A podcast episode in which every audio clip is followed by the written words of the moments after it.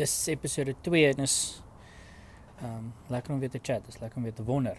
Um, ons is besig om te praat oor perspektiewe en die podcast se naam Storm Perspektiewe. Ek wil spesifiek kyk en met julle chat oor wat is die perspektiewe wat ons nodig het om ons storms in ons lewe te oorleef. Nou net eers gou storms is mos maar die metafoor wat ons gebruik vir dit gaan chaos. Ek het nie 'n klou wat aangaan nie. Dis all over the place my emosies, my situasie, my wat ek gedog het het standvastig gestaan, staan nie meer nie. Wat ehm um, reëls was is nie meer nie. Wat reg en verkeerd was is nie meer nie. Wat nou gesond is, is oormôre ongesond.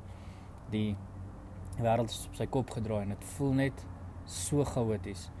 En ons het ons het sekere perspektiewe nodig om ons om ons koppe uit hierdie storm uit te trek dat ons van buite af kan kyk van 'n hoër plek af kan kyk en net kan sien wat gaan aan. Waar ons is op pad. Hoe lyk die einde? Hoe lyk dit aan die ander kant? Is daar aan die ander kant van hierdie? So perspektiewe, stormperspektiewe gaan oor um, sin maak van die storm om ons. Nou ek het 'n boek raak gelees, raak geloop, um, die perfekte storm. Verskeie skrywers wat sulke artikels in hom skryf. So elke hoofstuk is 'n aparte skrywer wat nou 'n stukkie skryf oor hierdie perfekte storm. En hierdie boek het my regtig laat regop sit. Ehm um, net gou hier is die lys skrywers ehm um, wat deelgeneem het aan hierdie boek se skryf is Leonard Sweet wat 'n huge stem in die Christen wêreld is. So 'n paar kerkleiers wat nou deelgeneem het aan die boek. So Leonard Sweet wat in Amerika is, Nelis Niemand, Jan van der Walt, Stefan Joubert, Johan Smit, Dries Lombard, ehm um, Skalk Pinaar, Flans hierso van Suid-Afrika, Ron Mortoya, ehm um, Alan Jamieson, Thomas G Bandy en Bill Aysom is oorsee se ouens. Ek ek gaan nou nog so met die tyd saam uitfigure wie hulle is as ek by daai stukke kom. En ek het nou die eerste paar hoofstukke gelees en die ding het my regtig sensitief gemaak of my oë oopgemaak vir die vir die storm waarin ons is of hoekom ons in 'n storm is. So ek wil hierdie episode toewy aan hoe lyk die storm? Wat wat is die storm? Hoekom noem ons dit 'n storm? Wat gaan aan om ons? Hoekom is ons kultuur, ons society, ons ons lewe so deurmekaar? Werksplekke, skool, gesinne, ehm um, jy waar kan jy in jou lewe kan kan verhoudings ehm um, sien of dinge wat jy moet doen of na jou toekoms moet kyk. Dis chaos. En as jy dit nie ervaar nie, ehm um, as jy gelukkig, dink of jy's blind of wat gaan reg goed. En is nie dat dit sleg gaan nie. Dis nie negatief netwendig nie, dis net deurmekaar. En ek dink nie dis so opgeruimd en uitgesort soos wat dit altyd was nie. Vorige generasies sou vir ons vertel het, oumas en oupas sou vir ons vertel het, nee, so het jy gemaak en so het jy gedoen. Alles was uitgesort en dan vandag is ons net uitgelewer aan wat ook al voor ons is. En ons weet nie wat vir ons is nie. Ons moet sin maak van wat gaan aan.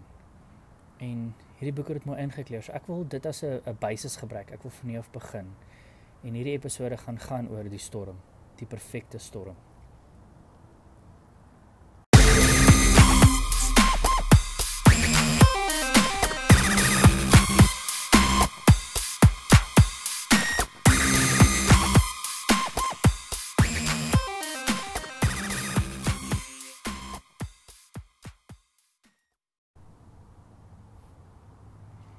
As ons praat van 'n storm, dan praat ons van soos ons al genoem het die die kere wat jou lewe onder jou voet uitgeruk word. As jy weer kyk, is daar net niks wat jy kan doen om sin te maak van wat om jou aangaan nie. Dit is die storm is 'n energie wat in storm en dit die wortels onder jou uitdruk, die mat onder jou uitdruk, jou mure afbreek. Um, en jou los in 'n gemors. En as ons praat van die storms in ons lewe, dan praat ons van emosies, kultuurgoeders, dinkgoeders, doengoeders. Ons praat van uh, verhoudings. Ons eie um, verwagtinge van die toekoms. En uh, die huidige storms wat ons nou deurmekaar maak is kulturele storms. Dis storms wat tussen mense bestaan. En as is dis 'n force wat ingekom het wat dit wat vir ons sin gemaak het en vir ons stabiel was net gemors van gemaak het. Ek dink aan goeie soos jou geloof, jou morele waardes, jou ehm um, verwagtinge in jou verhoudings wat jy gedog het reg en verkeerd is, wat jy gevoel het moet gebeur en is veronderstel om te gebeur, hoe jy oor jouself dink, wat jy van jou partners verwag, jou geliefdes, wat jy van jou werk verwag, wat jy van jou drome om hulle te kan behaal verwag. Jy het groot geword met ons elkeen van ons word groot met hierdie idee van hoe die lewe lyk like, en dan doen dit net glad nie. En daai daai expectation wat jy het wat nie ontmoet word nie. Gooi mens bietjie. Dit maak mens bietjie te mekaar. So die boek waarvan wat ek nou begin noem het praat van die perfekte storm en dis dis dis drie kulturele storms wat gelyk um, in ons tyd sigbaar geraak het wat ons nou kan begin agterkom en dis wat besig is om ons deurmekaar te maak. Dis wat maak dat ons kerke leegloop en ons skole se waardesisteem in, in sy kanonne is wat ons gesinne uitmekaar uit laat val wat mense bang maak om uit te gaan en 'n verskil te maak of 'n lewe te maak of net te bestaan. Wat maak dat ons al hoe meer en meer terugtrek en net um, ons mure hoor bou en onsself meer en meer beskerm. En die die boek is geskryf deur 'n spul ouens wat wat kenners is op die veld en regtig lank gedink het en navorsing gedoen het. En ek wil net gevindig vir jou die die drie ehm um, storms wat hulle nou beskryf in die boek um, verduidelik. Die issue waarmee ons sit ehm um, met sekere probleme is omdat generasies wat voor ons gekom het, hulle toekoms bepaal het en ons sit nou daarmee. En hierdie storms gaan bepaal hoe ons ons toekoms inkleer, hoe ons ons dit wat môre kom gaan um, gaan bou. So die eerste storm is postmodernism, wat postmodernisme. Ehm um, die Niels niemand beskryf dit mooi om te sê dit gaan oor daar's altyd nog iets om te sê. Lank terug was daar een waarheid. Hulle praat van absolute waarhede. So ons ehm um, as jy klas met skool, dan moet jy uh, swat en jy kry 'n werk en dan moet jy vir jou versekerings kry vir jou kar wat jy gekoop het. Jy moet huisversekering kry vir die huis wat jy gekoop het en dan moet jy medies kry en jy moet trou en jy moet medies vir jou vrou kry en jy moet um, kinders kry en jy moet hulle in die skool sit en daar's sekere goeders wat jy vir jou kinders moet doen. Jy moet hulle inent op die regte tyd. Ja, as jy 'n hond kry, moet jy hom inent op die regte tyd. Jy het sekere kosse wat jy vir hom moet voer wat reg is en wat goed en gesond is want 'n hond sy pels moet so en so lyk. Like. En daar's sekere dissipline maniere hoe jy jou kinders grootmaak. Daar's sekere skole waar jy jou kinders sit en ander nie. Daar was net 'n regte manier van dinge doen, van jou lewe bepaal. En dit was fine. Somewhere along the line het alles relatief geraak. Was daai reg en verkeerd net nie meer reg en verkeerd nie. Ons het iewers hierdie generasies of die wêreld of die mense begin sien, maar wat vir jou waar is, is nie vir my waar nie. En ek gaan nou net een van die ander storms kom wat 'n invloed gehad het hierop. Maar wat hulle nou postmodernism noem, is is 'n era wat na modernisme kom. Nou dit raak verskriklik complicated. Maar die bottom line is ons glo nie meer in een waarheid nie. Ons glo in elkeen het sy eie waarheid. Wat vir my reg en goed en awesome is, is nie noodwendig vir jou reg en goed en awesome nie en dit is fine. Ons taak is om uit te figure hoe om saam te leef, nie om die een waarheid na te jaag nie.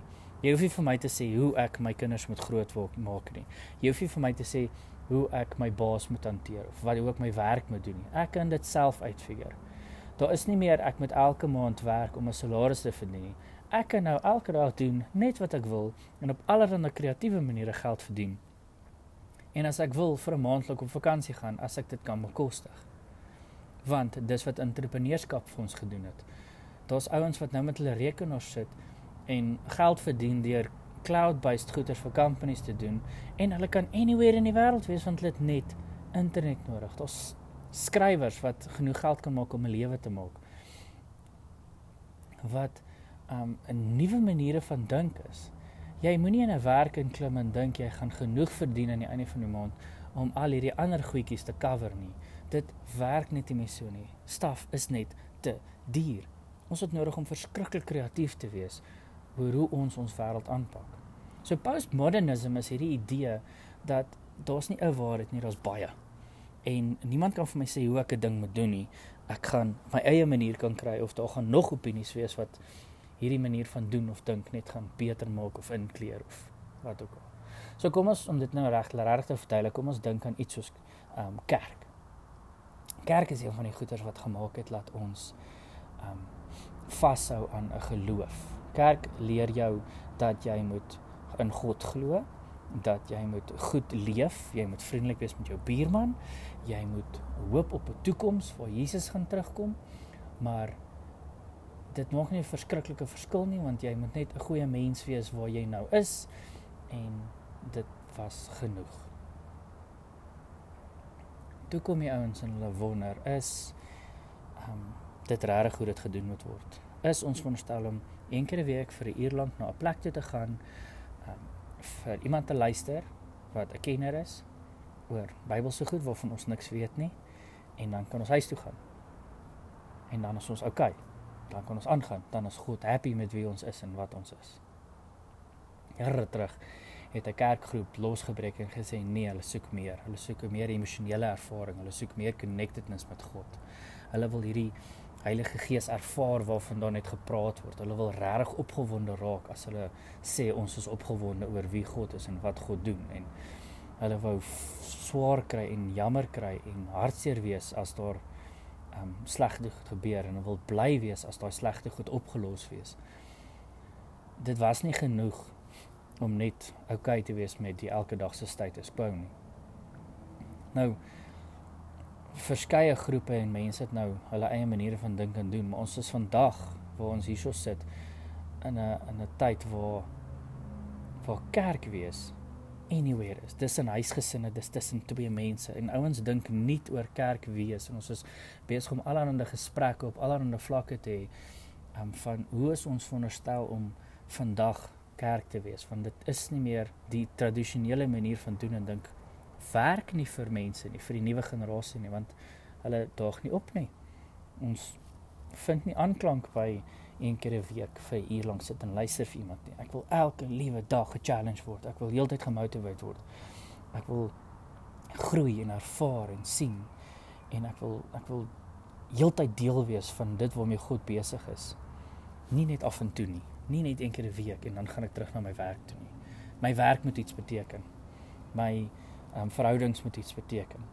My deel wees van hierdie groep, hierdie kerkgroep moet iets beteken. So en ek, ek sien dit die duidelikste in byvoorbeeld geld gee vir die kerk, jou tiende, wat ons nou 'n eintlik 'n Ou Testament begrip is.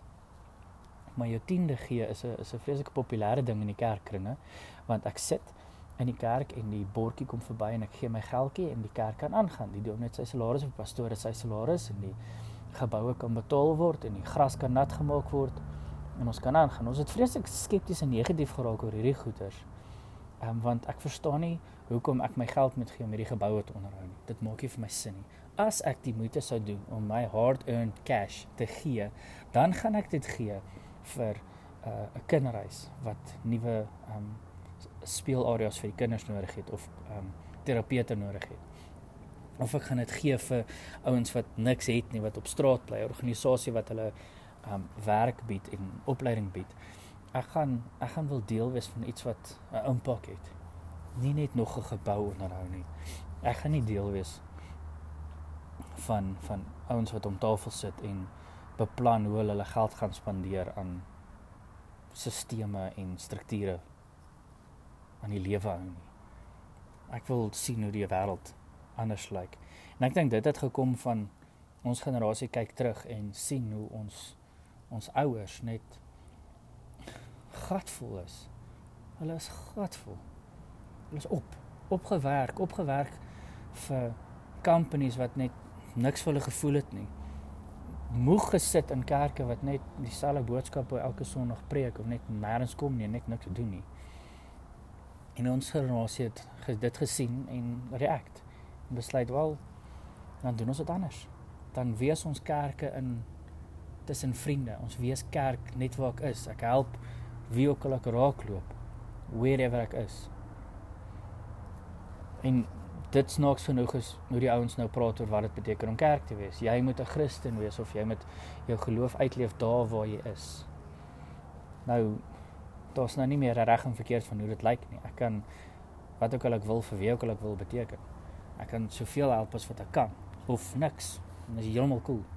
Ons kry nou 'n nuwe verstaaning van die Nuwe Testament wat sê alles behoort aan die Here. So my verhouding met God gaan bepaal hoe baie geld ek gee of nie.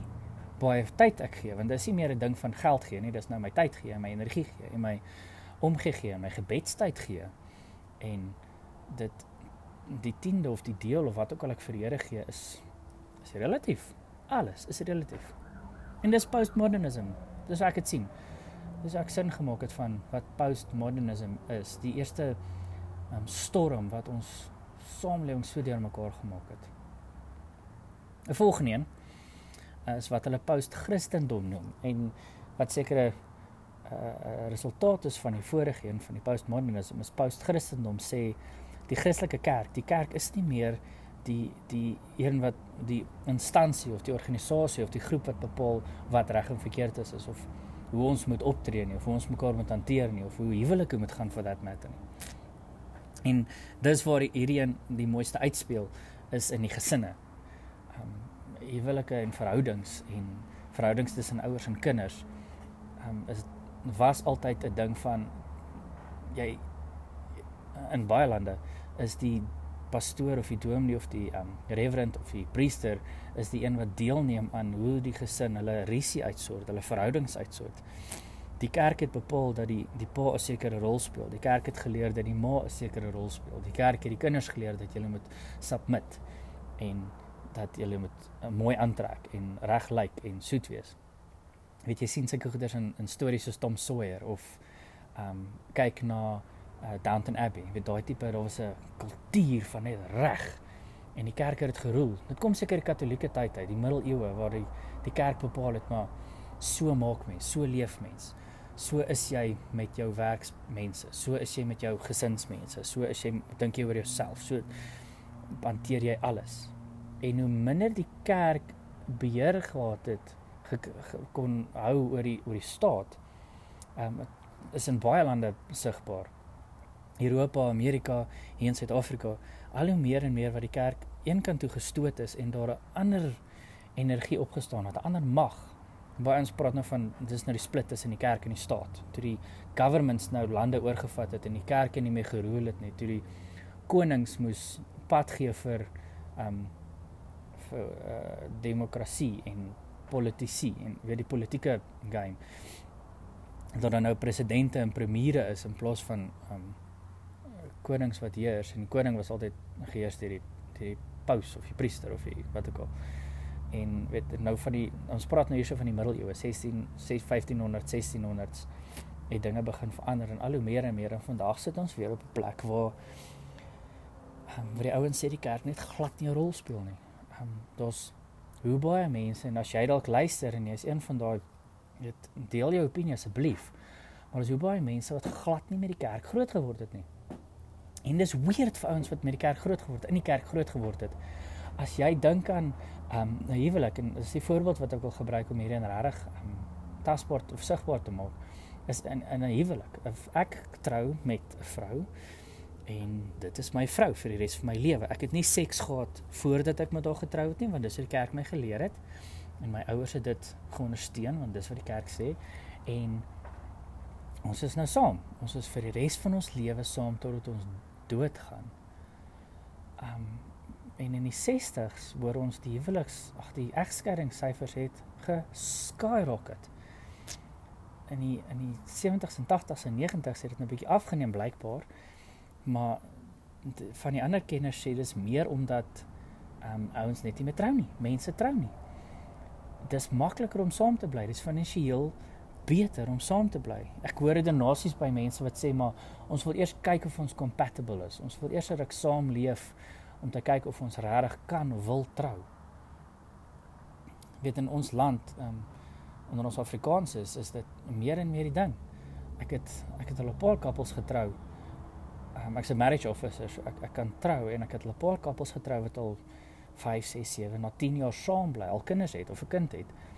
Ehm um, wat dis hulle eerste huwelike, dis hulle eerste verhoudings, dis hulle eerste gesinne. En dit is nie 'n tradisionele ons trou en dan kry ons kinders nie. Dis ons leef saam en ons wêreld groei en ons verhouding groei. En op 'n stadium voor of na kinders is dit relevant, besluit ons vir wat ook al rede skielik ons moet trou. En dan sit ek met hierdie koppels dan is dit vir my fascinating om by hulle te hoor, why now? Wat wat maak dat jy nou 10 jaar van saamleef, twee kinders wat al op laerskool het, nou skielik wil trou? En dan sê hulle sinne soos ons wil dit reg doen. Of my maale het se druk op ons om te moet trou.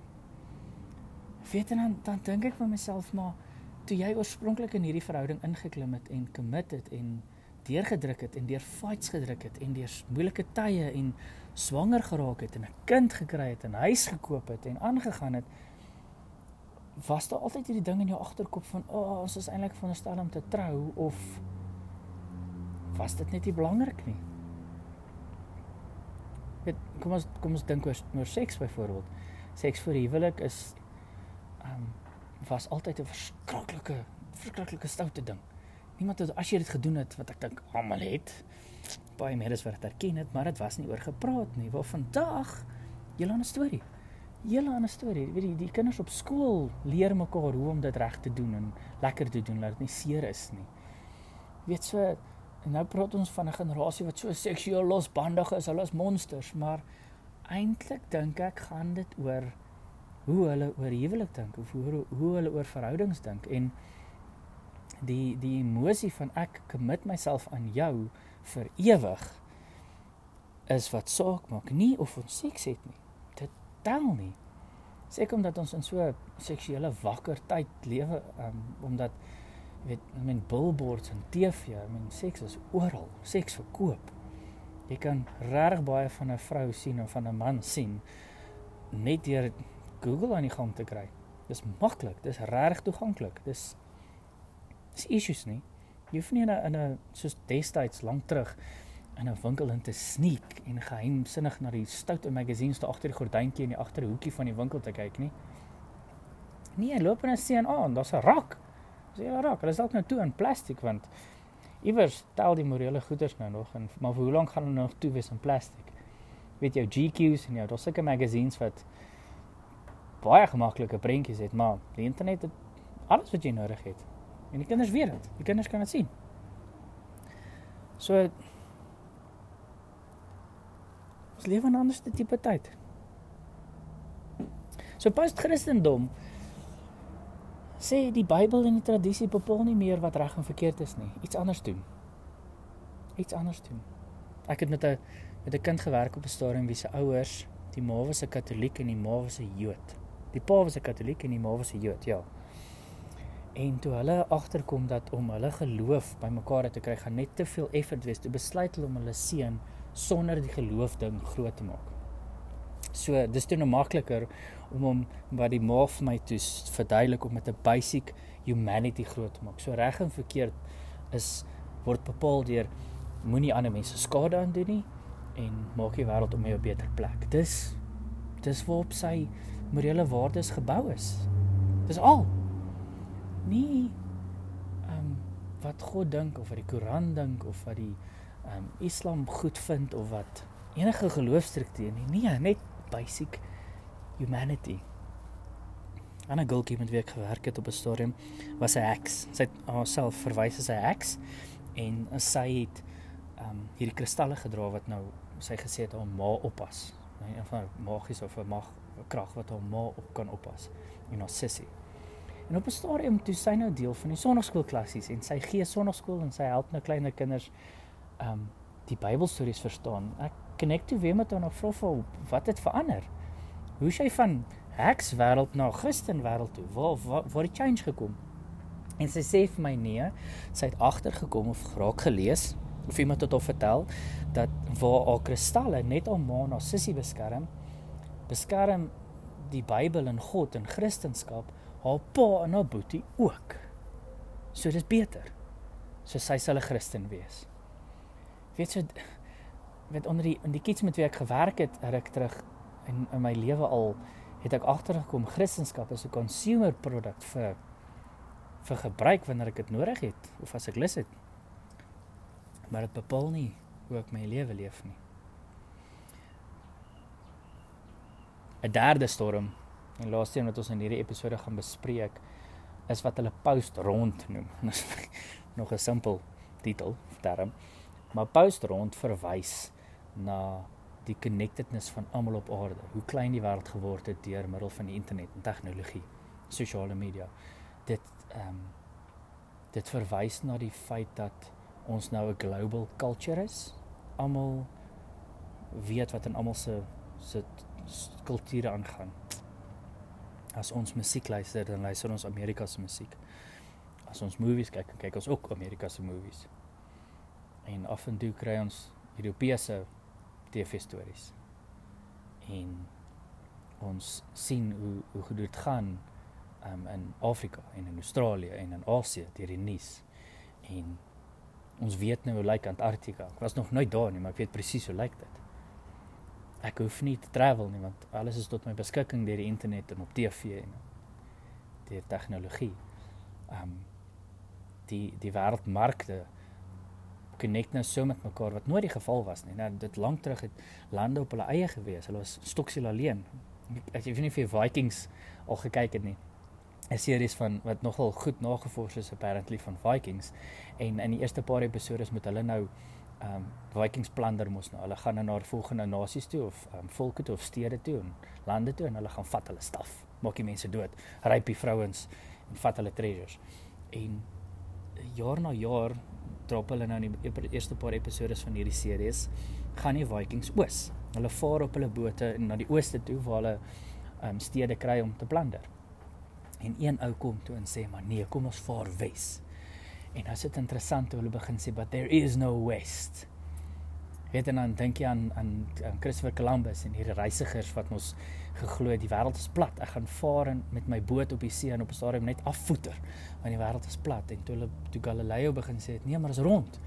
Ons gaan vaar en ons gaan terug kom waar ons nou is.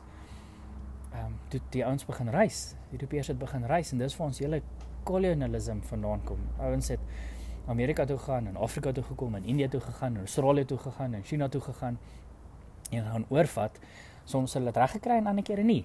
Weet in Suid-Afrika is dit nou van daai daai battles. Die die wit man het van ver af gekom en kom oorvat. Ehm um, en dan is dit nou dan's nasies in mekaar se hare.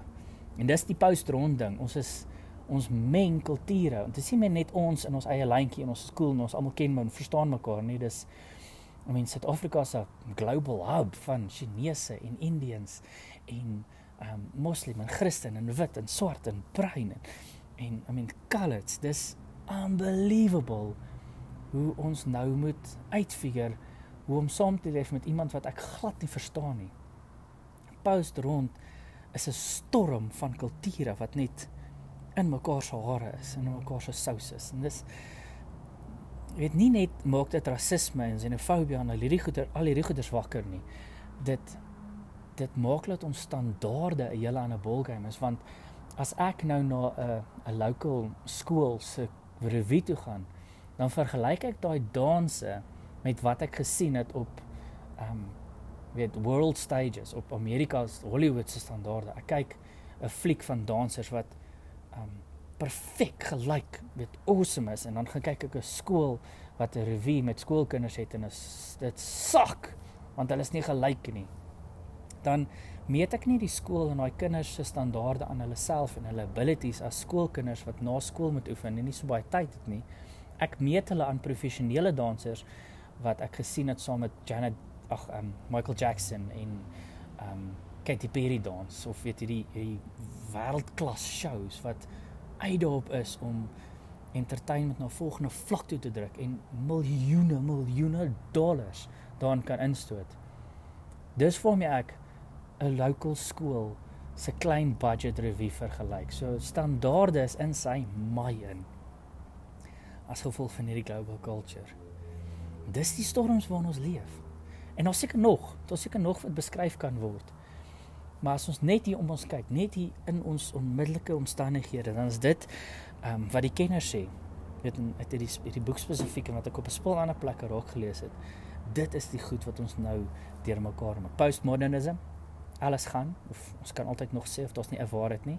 Post-Christendom, daar's niks wat bepaal wat reg en verkeerd is nie. Ons moet 'n nuwe maatstaf kry want Christendom is dit nie meer nie. Gelowe is dit nie meer nie.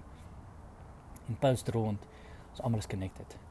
Ons ons vergelyk ons wêreld met aan aan global standaarde. En wat wat in ander lande gebeur het 'n direkte invloed op ons. So dis 'n dis 'n fascinating tyd van ons leef.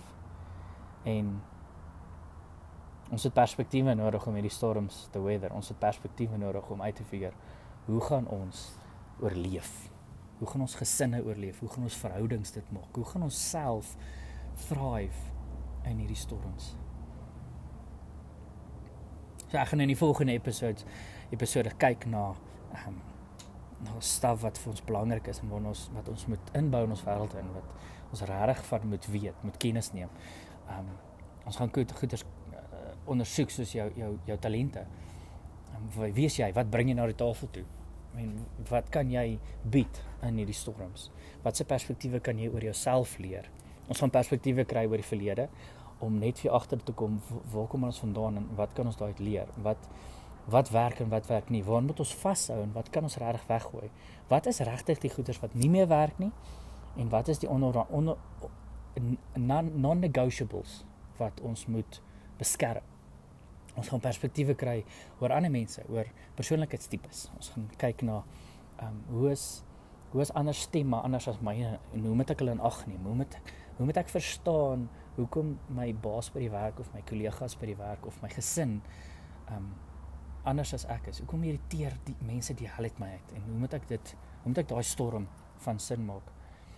Ehm um, verhoudings as ek verlief raak op iemand en ek het 'n 'n desire om saam met hulle te wees. Um, wat se skade rig ek as ek huwelike 'n ander vrou uit haar huwelik uit afvry? Wat se skade rig ek as ek um, met 'n girl begin chat wat te jonk is, wat net emosioneel ryp is nie? verhoudings met vriende. Um, wat mag ek van my vriende verwag? Hoekom het ek glad nie vriende nie? Hoe maak ek wat kan ek doen om meer likable te wees sodat mense van my hou en ek 'n groter gesonde vriendekring kan hê? God is daar een. Is maak dit sin om te worry oor geloofgoeders? Ehm um, hoekom is dit belangrik? Hoekom wil ons die moeite doen? So ons het, ons het perspektiewe nodig om hierdie storms van sin te maak om om regtig te oorleef, nie net te oorleef nie, maar maar goed te leef. Te thrive. Ons moet iets bou vir die volgende generasie. Ons het nodig om ons het nodig om môre mooier te maak. Want ons het baie mee te werk. Die generasies voor ons het het hard gewerk om dit wat ons het vir ons te gee. Maar ons op plekke gemors wat aan die gang is ons ons politiek dink, as ons rasse dink, as ons gesinne dink, as ons die kerkgroepe dink, as ons skole dink, morele waardes. Daar's 'n paar plekke waar ons nodig het om ons perspektief gesond te kry en die regte goed in plek te sit sodat die die ons wat na ons kom, die jong girls en ouens wat wat met oorvat by ons iets het om mee te werk.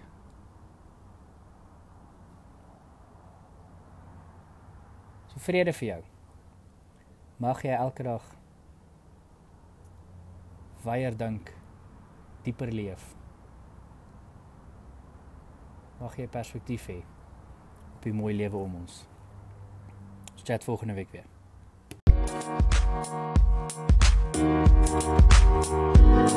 Thank you.